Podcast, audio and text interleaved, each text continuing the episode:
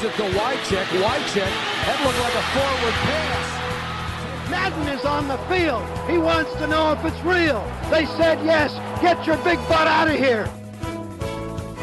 Hello? You play to win the game. Hej hej och välkomna till ännu ett avsnitt av veckans NFL med Mattias Olsson och Lasse Thorman. Bara några dagar efter draften precis har tagit slut Lasse och tanken är väl att vi ska köra en liten recap idag och bara gå igenom lite grann vad som hände. Om vi kan. Jag sitter fortfarande med min recap här och, och uh, jag, jag, det är mycket att ta in alltså. Uh, mm. Men, men vi, vi, uh, vi kör en recap 1.0 så får vi se om en 1.1 behövs sen. vi kommer väl inte gå in i detalj i alla runder, men vi ska ju definitivt kika lite på första rundan och sen kanske på eh, lite hur lag, några, några speciella lag kanske har gjort som en helhet, några som står ut där som kanske har gjort något tokigt eller något som vi tycker eh, känns bra och sådär. Det är ju alltid lite lurigt med, med draftbetyg tycker jag så här i efterhand. Eh, det blir mycket spekulation, men man kan ju ändå lyfta fram några grejer som känns intressanta i alla fall, som vi tycker känns spännande. Och så får vi se var vi landar lite grann. Absolut. Jag, jag bedömer ju helt då på uh, vad jag tycker jag har sett av spelaren innan. Det, det, är mm. ju, det är man kan ju inte göra annat. Man kan ju inte sitta och säga men uh, vi får gå tillbaka om tre fyra år och, och, göra en bättre i sådana fall. Men det är så vi får göra. Men, men, men ändå, det tycker jag man kan göra. Mm.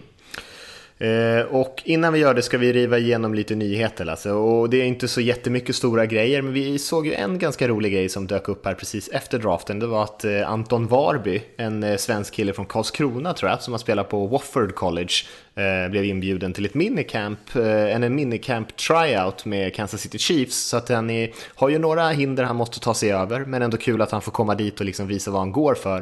Och i alla fall få en chans att kanske bli inbjuden till träningsläget med, med Kansas City City då. Ja, jätteroligt. Och visst sa du Karlskrona nu va? Mm, var det fel? Tror, nej, jag tror det var rätt. För jag tror när vi twittrade ut detta så skrev vi Karlskoga i Värmland.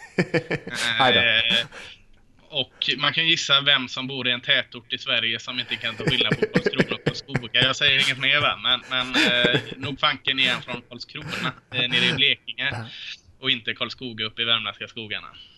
Allt, allt mer än en halvdussin mil från Stockholm är liksom, det är sam, samma sak för mig. Eh, men eh, bra ändå att du sa Karlskrona nu. Och ja, eh, jättekul. Jag har flugit under vår radar lite.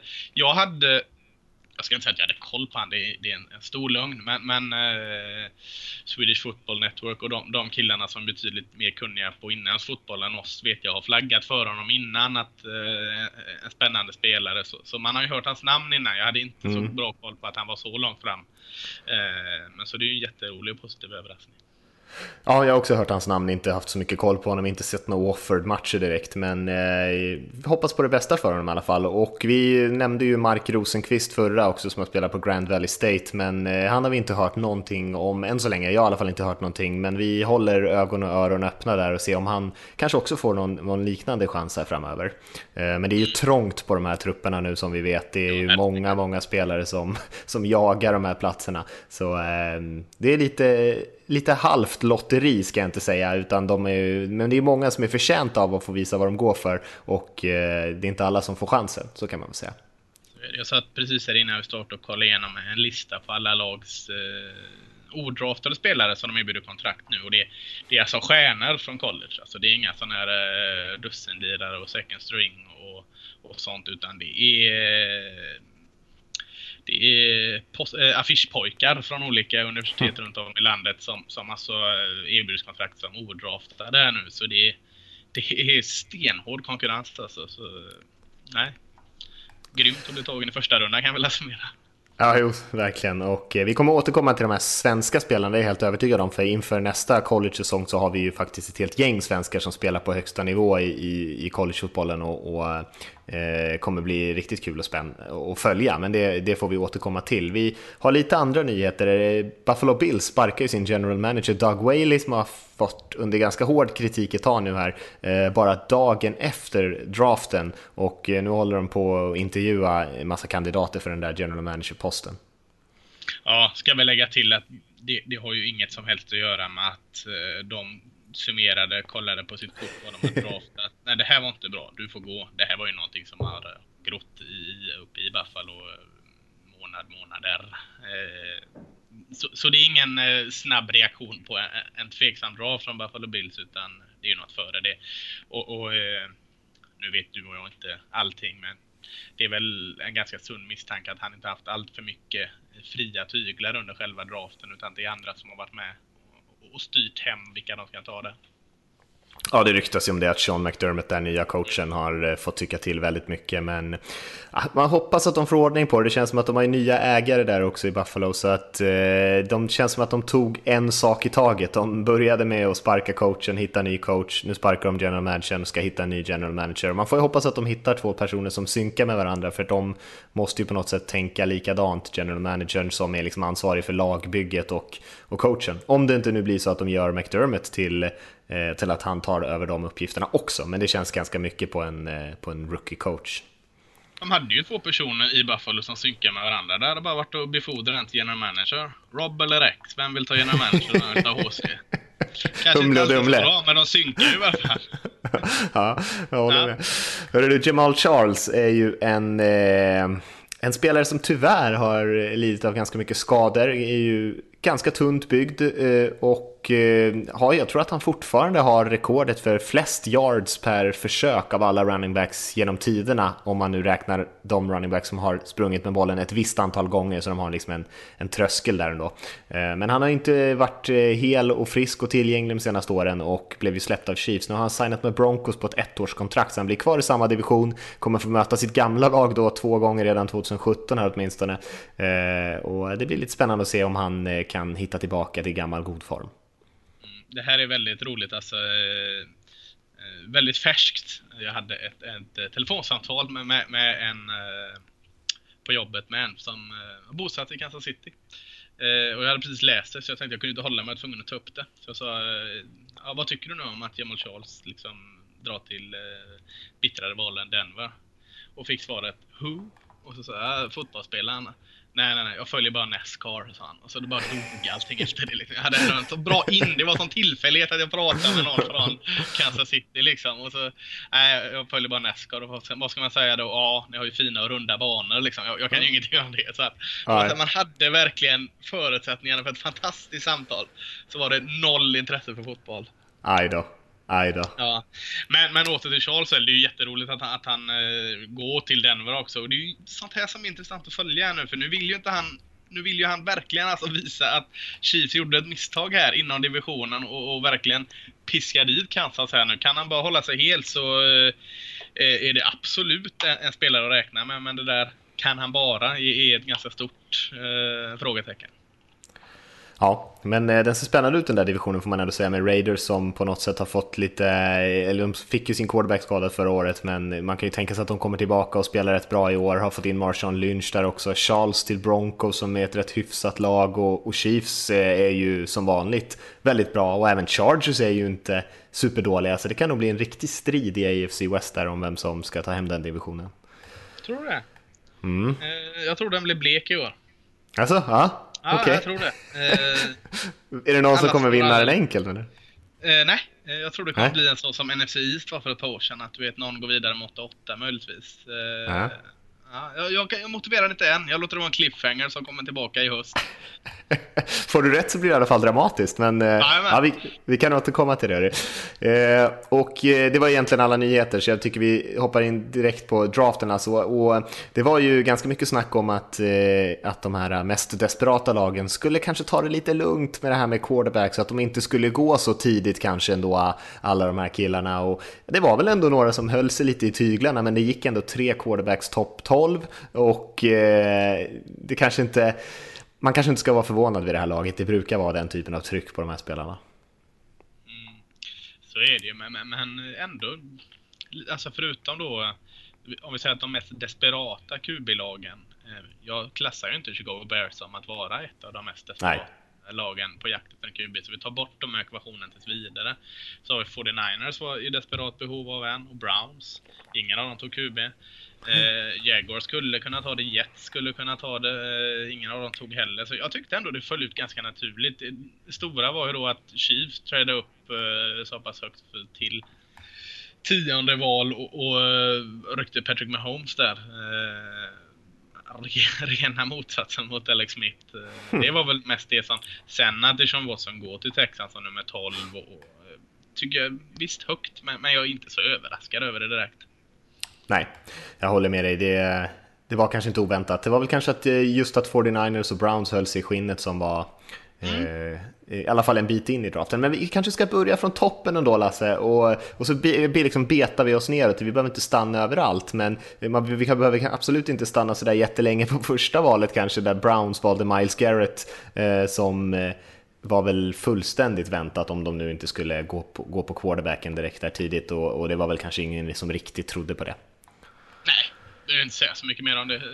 De flesta hade han som den bästa på, på uh, i årets draft och då gick han som nummer ett. Så jag tycker vi kan direkt, om inte du har något tillägga, eh, börja prata om vad fan Chicago Bears gjorde med, sitt, med sitt, sitt tredje val som helt plötsligt blev ett andra val. Uh, man får ju säga att 49ers, om de nu inte ville ta eh, Trubisky, sålde det jävligt bra för jäklar vad Bears fick panik där och för upp en plats. Eh, visst, är det här nu att Mitchell Trubisky, eh, ser jag har lagt in Mitchell också, jag säger inte Mitchell mm, Trubisky mm. längre. Mm. Mm. NFL-anpassad.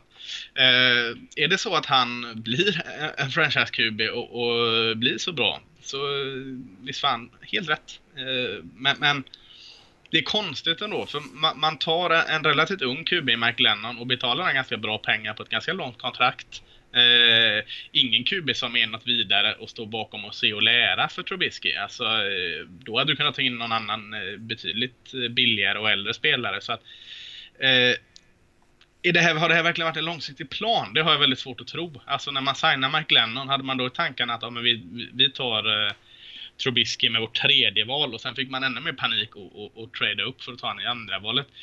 har det varit planen hela tiden så förstår man inte alls eh, vad de sysslar med här, Bears.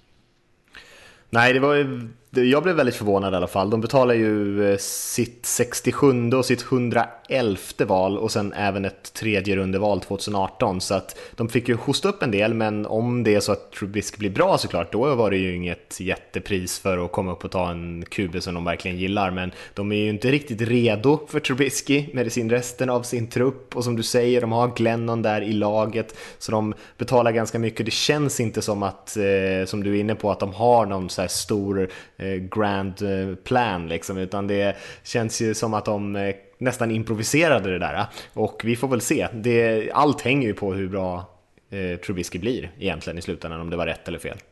Mm, precis. Eh, tredje valet för den Niners, inte överraskande men, men ändå lite överraskande säger jag. Solomon Thomas där, eh, D-line-killen från Stanford. Mm. Eh, inte överraskande att han tar en Stanford-kille med Lynch i, i eh, ledningen där och eh, väl värd att ta sig högt. En fantastiskt bra spelare som ska gå så högt. Men, men det jag tycker är lite överraskande i det är att Eh, rätta mig om jag har fel, men det här är väl tredje draften i rad man tar en D-line-spelare till på The Niners i första. Eller ja. slängt in någon emellan där. Nej, Buckner och Armstead gick väl de två senaste. Ja, eh, så man, man preppar verkligen den defensiva linjen hårt alltså. Eh, visst, nu kommer de få en, en uh, mäktig, mäktig defensiv linje för jag är ganska övertygad att Solomon Thomas kommer leverera. Men, men med så mycket andra kvar högt upp så att jag var nog mer inställd på att en Jamal Adams skulle hamna där till dem. Eller eh, till och med en Marshall Lattimore eh, som föll lite, hade jag sett som mer logiskt. Men, men eh, absolut, man får värde för pengarna för Thomas tror jag kommer bli en riktigt bra spelare. Ja, jag, nej, men jag håller med. Han är, jag tycker han är jättebra Thomas. Eh, men lite intressant också just för att de har de här två andra killarna. De ska gå till ett 4-3 försvar. Solomon Thomas kanske är som bäst som en, liksom en typ av edge-spelare mot springspelet kanske framförallt. Inte som någon super pass rush specialist. Så undrar var de ska ställa honom någonstans. Om de ska spela honom på insidan eller om de ska ställa, spela honom som en defensive end egentligen i sin fyra front och eh, då bör man ha en riktigt bra pass rusher på andra sidan eh, i så fall för att kompensera lite för att det kanske inte är Tommes styrka. Så det ska bli intressant, eh, väldigt intressant att se hur de kommer använda de här spelarna. För Buckner tycker jag ändå visade en hel del i slutet på förra säsongen i alla fall. Så att man bör ju kunna få ihop ett bra gäng där som kan störa motståndaren lite grann. Absolut. Eh, Jaguars som nummer fyra. Eh, Mm. Lite överraskande då att eh, man tar från ett där. Eh, köper det, och absolut. Jag tycker det är bra. Jag gillar det. Men lite överraskad var jag.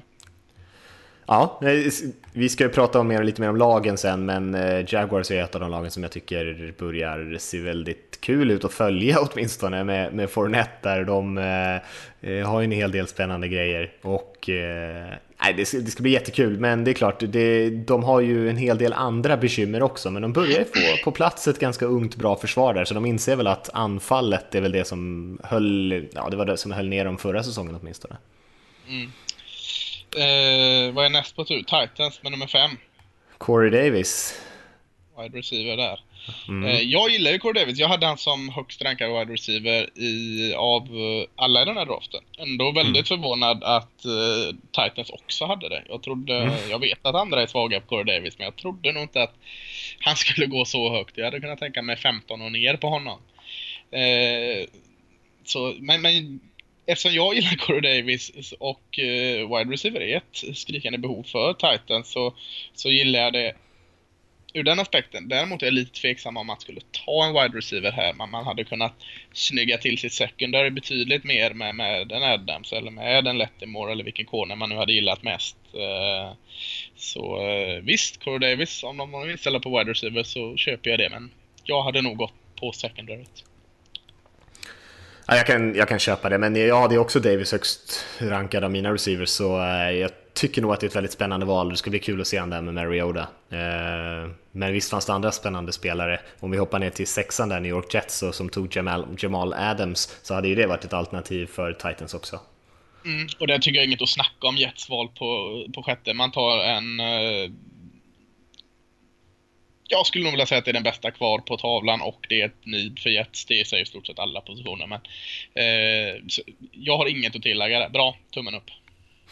Sen har vi Chargers som tar eh, Mike Williams, eh, den stora fysiska receiven från Clemson eh, och tillsammans med Keenan Allen som också hade lite av den där tuffa, lite mer den där possession receiver-stilen. Så får man ju verkligen, och, och med, med Rivers också som känns som en typisk sån spelare som han kastar ju även fast hans medspelare liksom är markerade för att han kan placera bollen så bra så litar han på dem. Och det känns som ett väldigt bra liksom match där mellan de två med Mike Williams och Rivers, för han kommer ju våga kasta bollen även fast Williams kanske inte får de här 3-4 yardsen av, av separation som en del receivers kan få. Nej, Jag köper det fullt ut. Eh, Jag hade gärna sett att Chargers tog Jamal Adams, men han var ju borta. Och eh, största behovet som jag tycker Chargers har är offensiva linjen och där fanns det ingen värd att ta så här långt upp. Så hade de inte kunnat trada ner det, kanske de försökte, så ser jag inget konstigt med att han tar Williams där. Eh, Sen kommer vi till ett ganska spännande val här också, Carolina Panthers som redan har en ganska rolig, spännande, kreativt anfallsspel, i alla fall när det fungerar, även fast det såg lite hackigt ut förra säsongen. Och nu tar man in Christian McCaffrey där också som är verkligen en gubbe i lådan. Jag gillar ju inte McCaffrey. Eller gillar, det, det är fel ord. Jag är inte så frälst som alla andra är Christian McCaffrey och det vet jag att du kanske inte heller är. Så, Nej. Eh, så eh, ur den synvinkeln så tycker inte jag det är så bra val här av Panthers. Eh, kan också säga att man hade andra needs som var större. Eh, återigen, secondary, Lettermore fanns kvar. Eh, såg inte lika bra ut utan Josh Norman där förra året och en, en D-line hade man säkert kunnat hitta något som börjar bli gammal där. Så att nej, jag tycker inte det var ett bra val. Men spännande. Ja, jag, tycker, ja, jag tycker också att det är väldigt tidigt för McCaffrey. Jag tror att det kan vara svårt att få ut den typen av produktion ur honom som liksom gör det värt att ta honom så här tidigt. Men eh, det ska bli kul att se honom med Cam och, och alla de här stora receivers och, och sånt som de har i Carolina. För annars, historiskt sett, om man tittar tillbaka på Panthers draft så har de ju verkligen gått efter storlek både i anfall och försvar. Eh, så det var lite, lite ett ovanligt val för Gelman där i, i Panthers. Men Eh, Eh, tidigt, men det ska bli spännande att se hur han kan utvecklas där tycker jag. Cincinnati Bengals sen Lasse, vi fortsätter med offensiva skillspelare här. Eh, tog John Ross, speedstern där från Washington, receiven. Mm, inte heller helt såld på det. Jag är lite så. Jag gillar ju en Ross, eh, absolut, men jag tycker han är lite en eh, one trick pony där. Alltså att han, han har sin fart eh, och that's it. Så är det inte riktigt. Han har mer än det. Men, men eh, det är ju ett need för, för, för Bengals att ta en receiver, så eh, det köper jag. Men, och både Williams och eh, Corey Davis var ju borta. Så visst, jag kan köpa det, men jag tycker det är högt för John Ross. Jag tycker det är väldigt högt 9. Mm.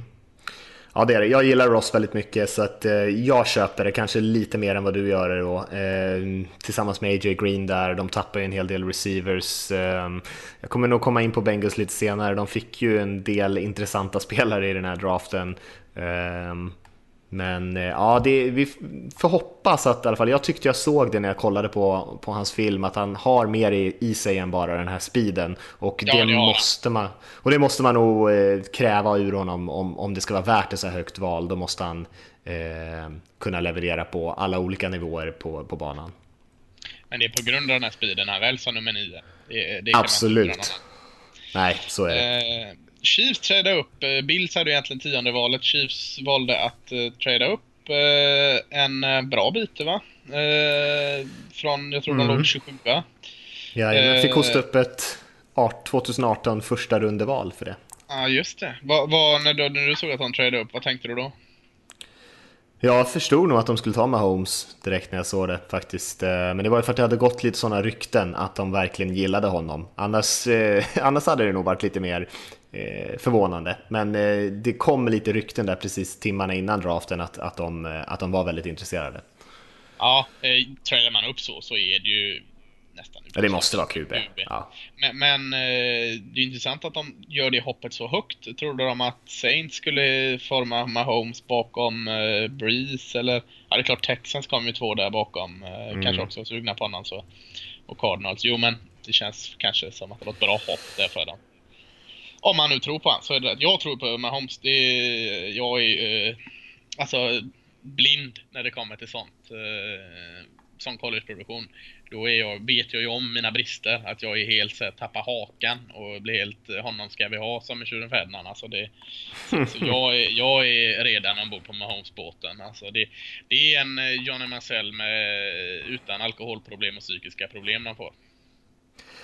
Jag är ju väldigt skeptisk till Mahomes eh, som ett prospect, eh, men är lite kluven här för att jag är ett stort fan av Andy Reid, å andra sidan som jag tycker åtminstone har visat genom sin karriär att han är en, av de absolut bästa coacherna i NFL på att få ut mycket ur sina quarterbacks. Så att han har ju hamnat på rätt ställe med Holmes här. Eh, men jag ska inte helt plötsligt bara vända kappan efter vinden här och säga att jag tror att han kommer bli någon stjärna nu, utan jag har ju som sagt varit eh, ganska kritisk till att han ska ens väljas i de två första rundorna och nu går han nummer 10 här. Eh, så då får jag väl säga att jag inte tycker om det här valet. Men för Mahomes skull så hamnar han i, rätt klubb. Saints har vi sen Lasse, Marshawn Lattimore, cornerback från Ohio State, en eh, spännande spelare.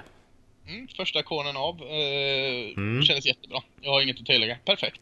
Eh, föll ner i Saints knä. Ett behov och eh, bästa konen säger många i, i draften och jag är väl beredd att hålla med. Jag tycker det är jämnt men eh, en av de bästa i alla fall så nej, tummen upp där. Får man eh, honom verkligen på plats där så, alltså en- den typen av corner som kan verkligen stänga ner en halva av planen och sådär, då kan man eh, kan man eh, liksom skymma över många av de andra bristerna som finns i det där försvaret. Så förhoppningsvis så, så blir det så för Saints som verkligen behöver Ja, kan inte ha det här ankaret till försvar som drar ner laget varje säsong utan det måste vara upp på en betydligt högre nivå. Precis, säger Texans. Lasse? Ja, kör. Eh, bara lägga till det med Martin Lattimore att det, är det är ju den typen av unika cornerbacks, alltså som de som pratar om att, eh, att de är på en ö eh, och spelar Mm. alltså. Om, om, det är ju den typen han är. Nu säger inte jag att han kommer bli nästa Daryl Reeves eller vem det nu må vara. Men det är ju den typen och, och de är så unika så att det är värt att chansa på. Eh, Houston Mm. Texans 12 Vad hade vi där? Hoppade, hoppade också upp från, från 25, fick eh, hosta upp ett eh, första rundeval 2018 till Browns då, för att komma upp och välja Deshaun Watson från Clemson, eh, quarterbacken.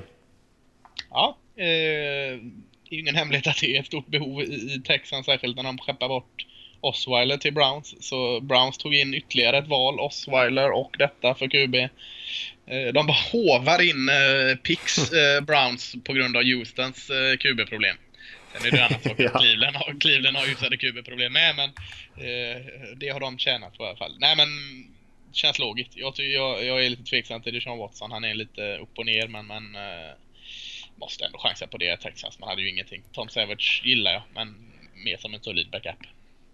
Ja, det håller ju inte när de har ett så, så många andra bra spelare i sin trupp, så att de har ju ändå chansen att kunna vinna nu om, om Watson nu skulle bli bra inom de närmaste två, tre åren så har man ändå ganska mycket bra grejer i truppen. Jag har gillat väldigt mycket som Texans har gjort i de två, tre senaste draftsen. Eh, tycker de håller på med och bygger någonting riktigt schysst där. Det är ju den här QB-frågan som de inte har lyckats lösa. Jag gillar Watson, hade honom som min klart högst rankade quarterback den här draften. Eh, så att jag tyckte att det var eh, lysande gjort från Texans egentligen och nu handlar det ju bara om att de ska få honom att prestera också. Mm, eh, och det är, det är inte så bara. Eh, Deshaun Watson är, trots att jag finner en del brister i honom och inte lika såld på honom, så tycker jag han är, för Texans är i ett vinna nu-läge. De har truppen mm. för att vinna nu, eller utmana nu.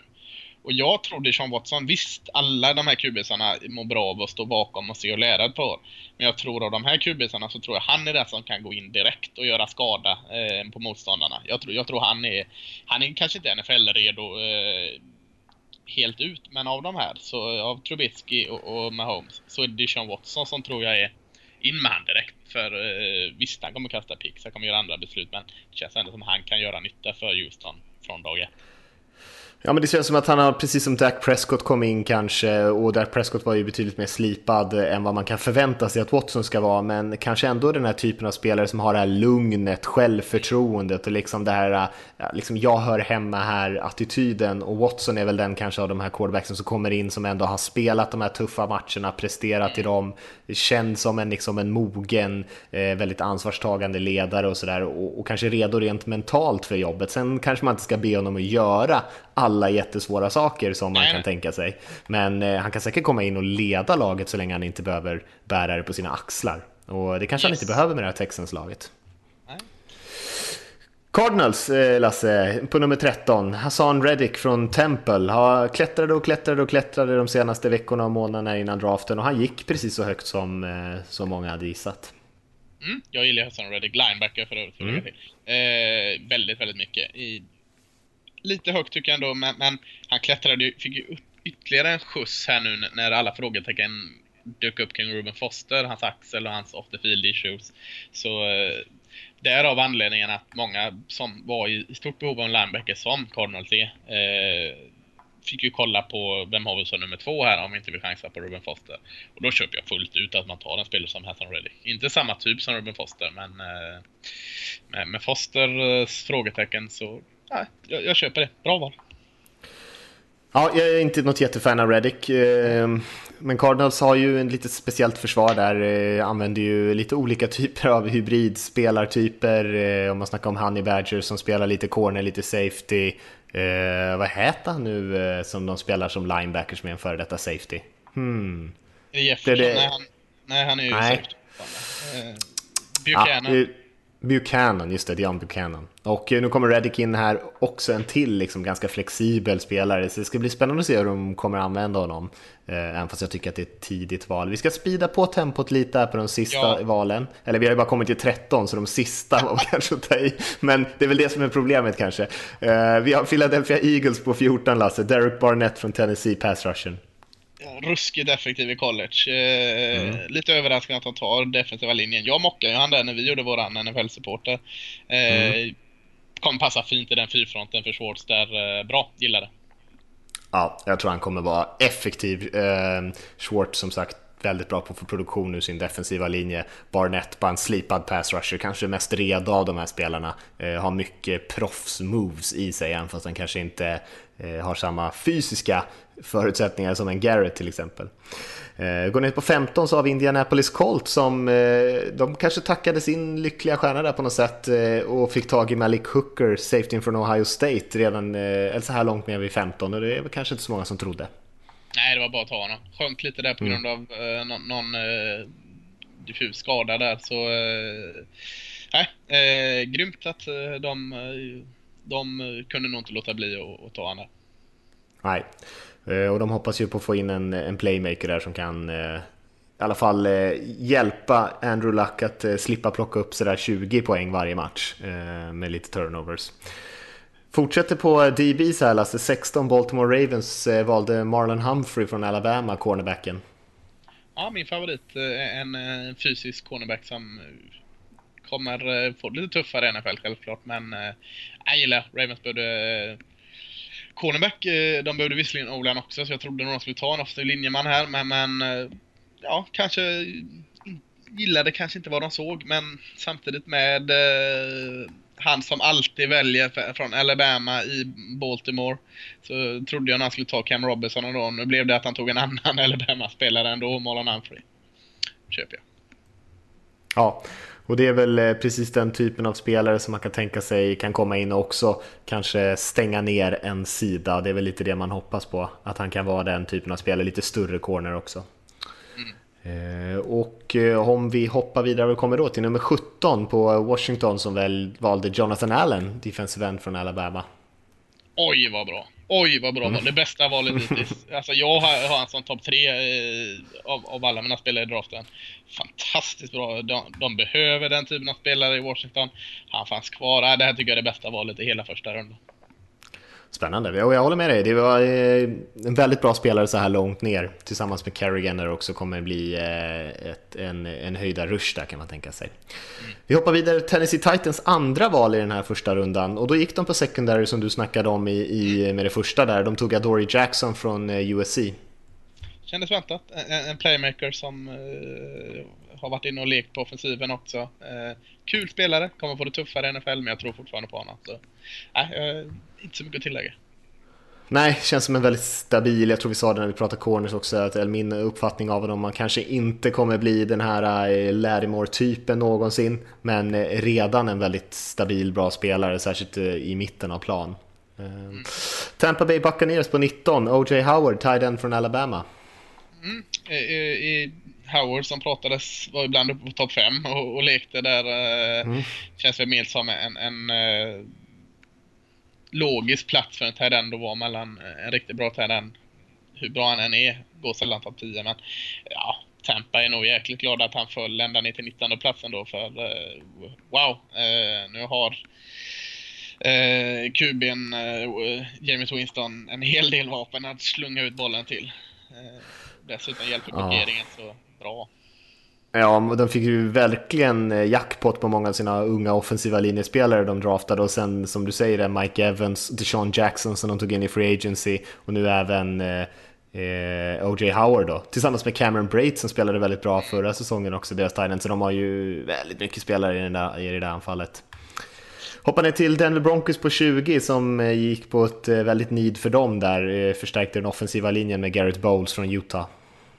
Ja, det var ju min favorit-tackle i årets draft. Jag blev lite skeptisk när jag, det kom ut där att han inte hade lyckats alls på det här eh, testet som mäter intelligens. Men, men det förklaras att han har någon inlärningssjukdom. Och det är man också lite orolig med att läsa en ganska tjock playbook eh, och har minimal rutin eh, från första college. Så, men, men det jag såg på eh, film och på matcher så tyckte jag Garrett Bowles var den bästa offensiva attacken och Broncos hade ett jätte behov för att bygga upp sin offensiva linje.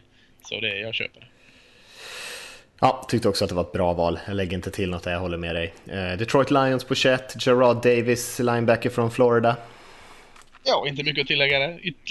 en bra linebacker som eh, precis som eh, Hassan Reddick klättrade lite på grund av att Ruben Foster eh, hade sina frågetecken. Så en stabil linebacker. Man, man, jag tror man, eller jag vet att man vet vad man kommer få i, i, eh, i Lions där. Och, och, det var ett behov. De kunde gå lite olika varianter också. Jag tror de nog hade siktet inställt på en corner som redan hade gått där eh, på sin lista. Men fanns inte det så tog man ett annat nid. Köper det. Då har vi två stycken val som kommer här Lasse som är kanske lite, äh, kanske inte helt oväntade, men vi har 22 Miami Dolphins som eh, draftar en spelare som jag tycker om väldigt mycket, Charles Harris från Missouri, eh, tillsammans med eh, en ganska bra defensiv linje där i, i Miami så kan man ju tänka sig att han kommer in i alla fall och har en hel del bra spelare omkring sig. Inte så mycket press kanske. Nej, jag håller med. Eh, och så har vi... Skulle du säga någonting? Nej, nej kör vidare. Men de har ju Cameron Wake och Ndamukong Su där och allt möjligt så att eh, om Harris blir, eh, blir bra så har de ju eh, ja, överflöd skulle jag säga. New York Giants har vi sen, Evan Engram, eh, tight enden från Ole Miss på 23, var eh, också lite oväntat. Ja, det tycker jag. Eh, och vi pratade om att Buccaneers hade eh, att Jamie Twinson hade bra spelare att passa till. Oj, oj, oj. Eh, Eli Manning har hyfsat bra nu också med, med eh, Odell Beckham Jr. och, och nye Marshall och Shepard. Shepard. Mm. Ja, precis. Och nu eh, även en till Tyrend där. Jag är inte lika såld på Evan Engram. Jag tycker han har ganska tydliga brister. Eh, de hade behövt O.J. Howard. Nu fanns inte han kvar, men för han är inte lika stabil i blockeringsspelet. Men ja, ja jag, jag vet inte. Eh, Okej, okay, säger jag. In, inte bra, inte dåligt. Se hur den där linjen håller uppe, se om Ila hinner kasta några bollar. Ja, jag hade hellre sett en linjeman här. Vi har ju tre snackisar kan man säga här som kommer 24, 25, 26. Uh, Oakland Raiders uh, valde väldigt oväntat skulle jag ändå säga Gary Conley, cornerback från Ohio State, som fortfarande faktiskt utreds för de här våldtäktsmisstankarna. Uh, så en uh, chansning får man säga för Raiders som egentligen inte har, vad jag vet, mer information än någon annan. Nej, det kändes konstigt. Eh, bara på vad jag gör på plan är det ju, eh, finns inte mycket att säga emot. Eh, inte för att jag var Garon Conleys största fan, men med tanke på att de andra cornersarna redan var bortplockade så, så, var det logiskt där, men det är ju jättechansning. Mm. Mm. Eh, jag håller med. Vi, vi, vi, får se hur det går med de där grejerna. Eh, men annars var det såklart ett behov för Raiders corn, cornerback eh, och de måste väl ha haft honom väldigt mycket högre än resterande corners i så fall om de skulle våga sig på den här chansningen. Eller så har de verkligen, verkligen ja, lagt mycket förtroende för de kontakterna de har haft med Conley och att han inte var skyldig till de här grejerna han är anklagad för. Ja, ska jag gå vidare Lasse? Gå vidare. Cleveland Browns 25, Jabril Peppers från Michigan. Eh, kanske inte så många som trodde att han skulle smyga sig in här i första rundan, men det gjorde han. Jättebra val. Jättebra val av Browns. Eh, och, och eh, varför det? Jo, för att Browns är så jävla röra där nu och eh, ska bygga om och ändra upp så mycket för att få ordning på sitt lag. Vi pratade om det innan att kan bara Jabril Peppers komma till ett lag som kan forma en roll för just honom. Det är ju inte så många lag som kan det. Fullt logiskt liksom. Man, man ändrar inte en hel spelfilosofi på grund av en viss spelare som spelar lite annorlunda. Men just i Brown så är man, är man i, i den här fasen där man håller på att bygga om så himla mycket just nu. Så när man ändå bygger om så kan man ju baka in en roll som passar Gabriel Peppers utmärkt. Där han kan spela någon form av hybrid safety linebacker och, och eh, och bli en riktigt farlig jäkel som man är om, om förutsättningarna är rätt. Och det tror jag de är Browns. Skitsamma om de, de vinner fem matcher då. Kan, kan man anpassa Jabril Peppers eh, till en roll där han verkligen kommer få, få växa i, så, och det tror jag Browns som något lag är det, så tror jag det, det är helt rätt både för Peppers och Browns här, så att det är en jackpot. Mm. 26 läs av vi Atlanta Falcons som faktiskt tradade upp med Seahawks, eh, betalade sitt 95 och 249 val för att komma upp från 31 till 26 och välja Tack McKinley från UCLA som kom ut på scenen där under draftdagen med eh, en hel del känslor kan man säga. Eh, och ja, stöka till det lite grann där men om man hade börjat somna till där mitt i natten så, så väckte i alla fall Tack McKinley en lite grann taggad som fan var han. De får en, en, en, bloodhound här som ska jaga en QBs. Eh, nej, du är inte fullt så såld på tech. Jag är lite mer såld på tech så att, eh, nej men jag gillar det. Han bytte snabbt där från att eh, han, hyllning till hans eh, mormor till att han skulle jaga quarterbacks. Det, det tog en väldigt snabb vändning där, men eh, han var taggad. Det, var, det är väl bra i och för sig att han eh, var taggad. Jaha. Ehm, även fast han svor i, i micken lite grann. uh, Buffalo Bills på 27, Tredavious White från LSU, trodde jag faktiskt skulle gå högre, Lasse. Jag med. Jag har ju varit jättesåld på Tredavious White. Jag hade han eh, topp tre av mina corners. Eh, jättebra för Bills som, som blev av med, nu blandar jag upp Gilmore var det va? Cornern de blev av med till eh, Patriots va? Mm, mm. Så mycket namn i huvudet här men så. Just det. Bra. Eh, kan nog plugga in Previous White eh, direkt där. Eh, gör sitt jobb utan att kanske glänsa men vet vad man får. Corner eh, går han väl in under det facket. Bra. Ja, jag håller med. Jag tycker han är bra redan nu, kan spela flera olika positioner och har ändå eh, potential att bli ännu bättre än vad han, vad han är redan nu. 28 så har vi Dallas Cowboys, Lasse. Det kommer, eh, vi, det var många spelare från Michigan som blev draftade i, den här, i, i årets draft kan vi säga. Taco Charlton var det här defensive end som gick till Cowboys, vad tycker du om det? Nej, jag är inte så såld på Taco Charlton, eh, så jag blev lite besviken. Eh, hade hellre sett något annat. Jag hade ju sett Tredavis White som gick precis innan så då eh, blev jag väldigt ledsen när Bill tog honom där. Men, men mm. att jag inte gillar, jag, jag, jag får lita mer på Cowboy Scouting-gruppen mig själv här. Det gör jag inte, jag litar på mig själv mest. Men jag förstår alltså motiveringen att eh, eftersom det är Dallas har två stora need. Det är en pass rusher och det är, eh, eller en, det är en pass rusher och en massa secondary. Och de tyckte att secondary var så djup den här klassen så man kunde hitta rätt spelare eh, och plugga in dag ett i andra rundan. Medan defensive end fanns ett bra topp, bra toppnamn men, men eh, kanske inte var lika lätt att hitta den här eh, dominerande i, i, eh, i, i eh, runda två. Som, som, så därför valde man defensive end här. Och tror man att eh, han, han kan bidra med det? Jag tror inte det. Men så, så äh, tänker man ju helt rätt. Och då ska vi hoppa vidare här till eh, Cleveland Brown som valde David Njoko, tight från Miami. En eh, väldigt bra passfångare tight som kanske inte är dominant än så länge i blockeringsspelet men ändå helt okej okay där får man ändå säga. Ja, kan nog inte vänta sig så mycket år ett av Njoko här utan eh, han får fortsätta utvecklas väldigt fin fysik och, bra händer och spännande. Precis som Jerry Peppers-valet var så är det ett spännande val här. Och, eh, man får ha tålamod med honom. Yes, jag håller med. Det ändå en spännande spelare att bygga med där. Browns har ingen brådska som vi var inne på lite tidigare. Pittsburgh, Pittsburgh Steelers, TJ Watt, JJ Watts yngre bror, outside linebacker från Wisconsin, som jag personligen inte tycker borde gå alls är högt. Ehm, men vi får se hur det går för honom där. Måste väl ändå hålla med att det kändes ändå lite väntat att han skulle göra det, trots att du inte håller med om det. Det var ingen ja. jätteöverraskning tyckte jag när Steelers tog honom här. Eh, fyller ett nid och, och, och eh, ja, jag, jag, jag är inte så eh, kritisk mot T.A. Watt som du är. Jag tyckte han såg väldigt fin ut i college men eh, jag köper de som säger att eh, frågetecken om för han är nästa nivå. Men eh, ja, lite högt men ganska väntat ändå. Yes, och då har vi, vem har vi kvar höll jag på att säga. San Francisco 49ers bytte upp här mot Seahawks igen som eh, hoppade ner till andra rundan. Eh, tyckte jag var lite tråkigt när jag hade suttit uppe där till klockan sex på morgonen och de aldrig gjorde något jäkla val. Eh, men Ruben Foster från Alabama tog 49ers där. Ja, de kunde inte hålla sig längre. Eh, och eh, roligt det här, nu, nu hyllas Lynch och 49ers för att han tog Foster. Precis mm. som Arizona alltid hyllas när de tar problembarn. Eh, vissa andra lag får en jävla massa skit när de suger in de här med röda flaggor. Men eh, ja, de fick en av draftens bästa spelare eh, och fram, absolut draftens bästa linebacker. Eh,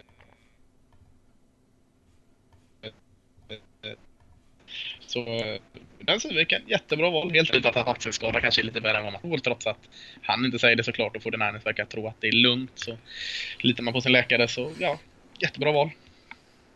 Mm. Ja, jag älskar ju Foster som spelare. Eh, de här grejerna ja, vet man ju inte. Man vet ju inte riktigt hur det är med de här skadorna, vi får hoppas att han eh, lyckas eh, hålla sig ja, på planen och att, att det inte får bli så mycket problem med det där. Och eh, som sagt, eh, du var ju inne på det där, John Lynch har ju snabbt fått veta hur det svänger i den här världen. För bara några veckor sedan så var han ju extremt kritiserad med sina free agency-beslut och nu är han extremt hyllad där efter draften och ingen vet egentligen någonting av vad som har, vad som har hänt. Vi vet ju inte hur, vad resultatet blir av varken free agency-gruppen eller det här. Men eh, det, det går upp och ner. Sista valet i första rundan gjorde Saints när de valde Ryan Ranch Ryan Ramchick, offensiva attacken från Wisconsin. Alltså. Inte mycket att säga om det. Eh, bygger på ytterligare en, en, del i sin, ganska, eller sin bra offensiva linje till att kanske bli riktigt bra. Eh, gillar nog Drew Brees. Jag tycker inte det är så, så mycket att säga om det. Bra val. Och det var första rundan som eh, gick ganska fort där får man ändå säga eh, för oss att riva igenom. Och jag tänkte bara Lasse att vi ska ta och kanske nämna, ehm, börja komma upp lite grann i tid där, men vi ska nämna några lag var tycker jag som vi kände var lite extra intressanta. Vi kan väl säga en två, tre lag var som, som vi tycker att du, eller som du reagerade på. Du kan eh, egentligen riva av allihopa på samma gång om du har ett par som du har tänkt på redan. Så här är det, jag tycker så otroligt många lag gjorde bra drafts rätt igenom. Så jag skiter och pratar om alla som gjorde bra. Eh, jag säger alltid Cincinnati Bengals. Jag, eh, jag och deras scouter verkar hålla över, eh, komma överens om det mesta. För jag tycker de gjorde en, eh, en bra draft även i år. Så att ska något lag sticka ut så, så eh, får det väl vara de här jäkla Cincinnati Bengals som gör det igen trots att jag inte kanske gillade valet med John Ross. Men annars så, så tänkte jag de som... Och jag tycker egentligen bara ett lag gjorde en riktigt, riktig dålig draft och det var eh, Chicago Bears. Eh, tycker, eh, alltså från, från starten där med det agerandet med Glennon och tar, eh, Trubisky där.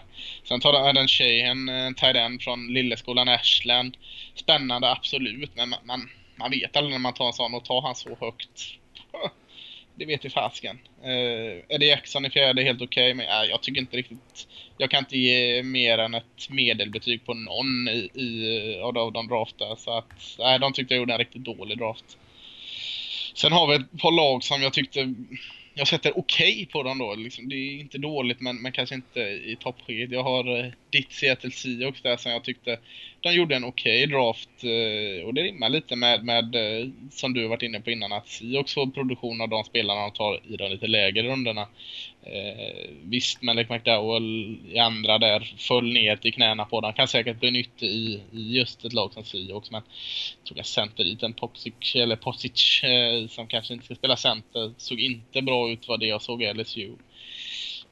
Nej, eh, Darby gillar receiven visserligen och Tedrick Thompson safety längre ner. Så det, det är deras val längre ner. Jag tycker det är helt okej. Okay. Eh, vad har vi mer för lag som jag kanske inte riktigt var, var eh, överens med om jag säger så. Eh, Titans hade jag så väldigt höga förväntningar på för de, vi har ju pratat om att de, de är så nära nu att bli ett eh, kanonlag här om, om man draftar rätt. Jag vet inte om de draftar rätt. Alltså, Davis och Jackson är första, visst. Tevon Taylor tredje, helt okej. Okay. Sen så, alltså på de nedre valen så är det ingenting jag blir direkt imponerad av. Man gör de tre första valen bra. Sen tycker jag man, man eh, väljer tveksamt. Eh, jag kan ta ett lag till då bara för, för att och, reta upp alla som eh, flyter på den äntliga framgången. Oakland Raiders som, som, som en utmanare. Eh, Conley där är första jag kan inte riktigt ge det tummen upp än, inte med allt som kan hända där. Eh, sen tog de Obi Melifonvo, heter han va? Safety från Connecticut mm. som var... Combine-monstret. Combine-freaket där ja. Eh, mm. Också en liten chansning. Jag gillar honom visserligen, men det är en chansning. Eh, Sen, sen, vet jag inte, alltså längre ner rundorna, det är ingenting jag tycker, jag som, som går igång väldigt mycket på runda 4 till 7 går inte igång på egentligen något de gör här nere runda 4 till 7. Eh, nej, så, så, så, Oakland eh, får en okej okay draft, eh, men absolut inte mer. Så, så, så, har, jag, har jag väl sagt mina lag där utan att rabbla. Jag har ett par till, men, men då blir väldigt klara. Uh, nej men jag kan väl nämna några som är, några lag. Det är ofta så att man känner år efter år, särskilt när de inte byter ledning, att man, det är ett par lag som man, uh, som man håller med om varje år vad de håller på med. Texans har jag uh, varit ganska överens med, nämnde jag tidigare, att de tar Deshaun Watson också får Deonta Foreman eh, lite senare i draften. Eh, tycker jag är väldigt spännande. Sen om de någonsin lyckas få sitt anfall att bli bra innan deras försvar har blivit dåligt igen för att det blir alldeles för dyra spelare att betala, det, det får vi väl se. Jag tycker Packers draft var intressant. Jag brukar för det mesta hålla med vad Ted Thompson och gänget gör där. Men en hel del chansningar ändå. De tog Kevin King som är lite av en long shot, kan vara, bli en väldigt bra corner eller så blir han kanske inte så bra. Montravius Adams som jag har varit stort fan av, eh, men också en sån här spelare som inte riktigt har producerat. De tog också eh, Malakai Dupree, men det var ju långt, långt, långt ner i draften som snarare en smart chansning. Men eh, lite spelare som man är så här, hur kommer de kunna bidra och hur tidigt? Eh, sen eh, så såklart tycker jag att eh, Ravens gjorde ett ganska bra jobb med att fylla på till ett redan bra försvar, men man blir kanske lite osäker på hur eh, då deras anfall kommer klara sig den kommande säsongen här. Eh, och nu kanske inte draften kanske inte är nödvändigtvis så att man tänker att de ska bidra liksom första säsongen, utan man kanske ska ha ett lite mer långsiktigt tänk. Eh, men man gick väldigt hårt ut på sitt försvar där. Mm. Jag flika in där bara, du pratade om Houston Texans eh, fin, fina draft. Jag kan bara ställa mig in där. Jag tycker eh, varje val de gjorde var helt fantastisk, men de har en väldigt stor eh, plump i protokollet där med sitt fjärde val. Jag har så ohyggligt svårt att se att Julian Devenport eh, från, från Lilla Backnell där jag tycker han såg så jäkla dålig ut på, på den filmen jag såg med honom. Jag, jag kan inte ens se utrymme för förbättring i den människan. Så att, eh, de slängde, de hade visserligen två val i fjärde rundan, men ett av dem slängde de eh, i sjön. Men, men annars eh, helt fantastiskt. Från sista valet till första så eh, jättebra draft, jag håller med dig. Ja, Davenport är ju intressant där. De har ju verkligen gjort en chansning där. Alltså det är ju den här spelaren som ändå har fysiska förutsättningar, liksom växt in i sin kropp där på något sätt medan han har gått i college och eh, har liksom, jag tror han har de längsta armarna av någon offensiv linjespelare i den här draften och de gillar väl liksom vilken eh, typ av spelare han skulle kunna bli. Men han har ju inte spelat på den nivån än så länge. Så där hoppas man väl att coacherna ska kunna göra någonting av liksom en ja, vad ska man säga, en geléklump som, som de måste forma. Inte en eh. chans säger jag. Inte en chans. Är, ingen kan göra något med en sån sopa. Din karriär är över Davenport. Ja, bland de sämsta jag sett. Med det sagt Lasse, vi ska faktiskt inte tjata mer om det de här delarna av draften. Vi ska, vi ska hoppa vidare. Vi fick faktiskt en fråga på Twitter där eh, och vi har redan eh, snackat lite grann om Bears som, eh, jag ska se vem det var som ställde den där frågan. Men hur som helst så var det någon som ville att vi skulle kika grann, lite grann på eh, odraftade free agents om, vi om det är något lag som vi tycker har gjort ett extra bra jobb. Och eh, här erkänner jag eh, mer än gärna att jag har inte koll på de college-spelarna som inte ens går bland de 260 första valen eller något Lasse, utan det där lämnar jag helt över till dig om du tycker att du har sett något lag som har imponerat eller några spännande spelare som eh, du har sett som du tror kan överraska. Ja, fy fan, det här är livsfarligt att lägga till med. Alltså, det här är... Oh, vad jag går igång på detta. Eh, jag, fick, jag, fick, jag fick en lista på 40 spelare, det ska vi inte gå igenom här. Men, men ett par lag då som... som alltså, eh, jag tycker Carolina tar en linebacker i Ben Bulwer i Clemson. Eh, spännande spelare. De tar en DN Brank Hawks från Florida. Spännande. Cincinnati igen, som jag alltid håller med, tar en ettrig Hardy Nickerson linebacker och safety safety Demetrius Cox från Michigan State. Spännande. Jag tycker 49ers gör en jättebra eh, spelare. De tar spännande wide receiver i KD Cannon från Baylor. Eh, en linebacker Jimmy Gilbert från Colorado och en, eh, en terren som jag är väldigt överraskad att inte han blev draftad. Cole Hicutini från, från Louisville. Gör en bra. Eh, Ditiox tycker jag får upp två fina Tony Bridges safetyn från All Miss tror jag. Och så en QB som jag gillar, Skyler Howard. Kommer bli en bra backup. New England tycker jag är jättefin. De tar en, en uh, härlig D-tackle från Vanderbilt i Adam Butler. Uh, en uh, bortglömd receiver, Austin Carr från uh, Northwestern. Och uh, Corey Warren, DN, Tennessee, andra sidan av vad Derek Barnett ställde upp. De var ett jättebra par ihop. Så där är väl några lag då som, som jag tycker presterade. Jag, jag ska bara stryka under att jag tycker Giants fick en ytterligare bra receiver här i Travis Rudolph från Florida State på sin arsenal. Så de kan ha en jäkla djup på den positionen. Och jag kan ju nämna en sak som jag, som jag nämnde för dig Lasse innan vi började spela in här att eh, en intressant trend som man kanske kan hålla ögonen eh, öppna efter är att eh, Patriots som har blivit ganska hyllade för hur många duktiga spelare de har lyckats plocka upp. Och du nämnde ju någon där eh, att hur mycket pengar de betalar sina odraftade free agents. För det är ju, man får ju egentligen eh, sätta, det finns ju något typ av minimum, eh, jag vet inte exakt vad det är men det, det är ganska lågt vad man måste betala en odraftad free agent. Men Patriots har slängt ut 115 000 dollar garanterat till en linebacker som heter Harvey Langi, 90 000 till en tight end som heter Jacob Hollister. Och det är alltså lika mycket pengar som femte, sjätte rundeval får, eller sjätte runda ska vi säga, eh, val får när de, när de blir draftade. Så det är väldigt mycket pengar och det, de hade ju inte så mycket draftval i år, Patriot, för att de tradade till sig andra veteraner och sånt för de valen. Så eh, istället nu, och det är ganska smart tycker jag, för att nu har vi, vi har pratat om det tidigare, att just i år när eh, taggen gick upp nej inte taggen gick inte upp, eh, lönetaket gick upp och det fanns väldigt mycket pengar i rörelse. Många av lagen har jättemycket löneutrymme. Så är Patriots inte helt oväntat ganska tidiga på att inse att ja, här kan vi ändå ha råd att slänga ut lite garanterade pengar utan att vi förlorar så jättemycket på det. Och eh, det har ju gjort att man har fått in en hel del spännande odraftade free agents också. Absolut. Ja, Lasse. Tycker du att vi ska runda av? Ja, egentligen inte, men vi måste väl göra det för annars så jag, jag är fortfarande igång. Jag har många jag inte har nämnt av de här eh, odraftade spelarna, men, men, men, för lyssnarna och din skull så, så kan vi väl göra så att vi rundar av. Så, så hoppas vi att ni har fått, fått något mer med er efter denna podcast.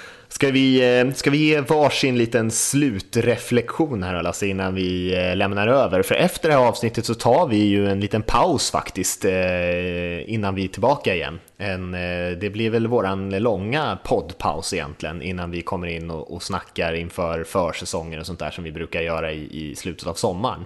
Så kanske någon liten slutreflektion om du har någon från den här draften, var, någonting som stod ut eller var det något generellt som du reagerar på? Uh, ja, att jag nog aldrig hållit med så många som gjorde den här draften. Jag tyckte det kändes nästan rätt igenom fullt logiskt. Alltså de spelarna som skulle draftas draftades i de rundorna de skulle draftas med vissa undantag. Så att, ja, jag, eh, jag har nog inte hållit med eh, så mycket som jag gjort denna draften. Vilket jag tycker är tråkigt. Jag älskar ju att sitta och säga att han är en idiot och han är en idiot. Hur fan kan han göra så? Har inte alls känt så. Så att, eh, nej, jag känns som att jag är på Eh, jag är på samma nivå som, som alla andra förutom de eh, uppe i Chicago. Mm. Och det är det som jag kanske ska nämna som den en grej. För det första håller jag med dig och jag tycker att det har varit en, eh, en spännande draft på det sättet. Det kanske inte har varit så där mycket självklara Eh, alltså det har varit en väldigt bred draft på det sättet att vissa spelare liksom kunde gå lite upp och ner och det var inte direkt förvånande för det, man insåg att det var inte sådär jättestora skillnader mellan många av spelarna. Men sen det sista, eller det första som man kanske reagerade på när man slog på tvn där var väl inramningen i Philadelphia eh, som var ganska galen ändå. Det var upp mot 80 000 personer som stod och tittade på live när draften var och det var massor av aktiviteter runt omkring där och det var ett jäkla liv. Du hörde väl det när Cowboys skulle välja från Eagles-fansen när, när divisionsmotståndarna skulle upp. och, ja, men en, vilket, vilken otrolig förmåga man har i NFL att typ göra den här, den här typen av evenemang av någonting som egentligen eh, verkligen är till för nördar som dig och mig Lasse. Eh, men ändå lyckas man dra miljonpublik på tvn och nästan hundratusen pers på plats för att titta på den här spektaklet som man ställer till med. Eh, så det är ju kanske det som stod ut allra mest tycker jag. Ja, men den jävla sången de sjunger, Eagles-fansen, den är ju så fruktansvärt dålig. fly Eagles fly-låten. Ja, fy fan vad dålig den är. Jag, visst sjunger en sång, men fan, hitta något annat. Ja, Lasse fick in en sista liten, eh, liten peak där på Eagles-fansen, det var ju, det var ju tur det. Ja. Ja, nej, Nej men eh, vi säger så Lasse eh, och alla ni som har lyssnat, tack för att ni har hängt med hela den här eh, egentligen uppehållet med Free Agency-snacket och även eh, draft-snacket där och hoppas att ni eh, känner att ni har fått med någonting in i nästa säsong, att man har lite koll på några av de här spelarna och kan följa eh, lite rookies och sånt där och se hur de utvecklas eh, genom åren. Det brukar jag tycka är jäkligt kul i alla fall och sen så eh, är det så att ni har några tips och tankar om vad vi ska göra med podden här och, och eh, någonting som ni tycker att vi ska förändra eller göra mer eller mindre av så är det bara att mejla in det till podcast.nflsupporter.se för nu har vi gott om tid att planera till vårt nästa avsnitt som eh, troligtvis blir någon gång i slutet på sommaren där. Mm. Och, och hör och häpna så är det faktiskt så att vi, vi, vi lever ju, vi finns ju utanför den här podcasten så att eh, vi tycker det är jätteroligt när ni hör av er till, till oss på, på sociala medier i form av Facebook och, och, och Twitter och allting med, med nflsupporter.se och allt det.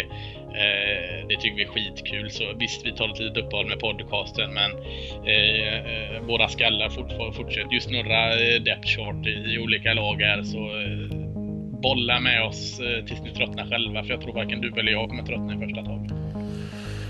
Tveksamt om det inte har hänt än. Eh, men vi säger så. Tack för att ni har lyssnat allihopa. Så eh, vi, vi hörs på, på det internet och så, så får ni ha det bra där ute allihopa. Ha det.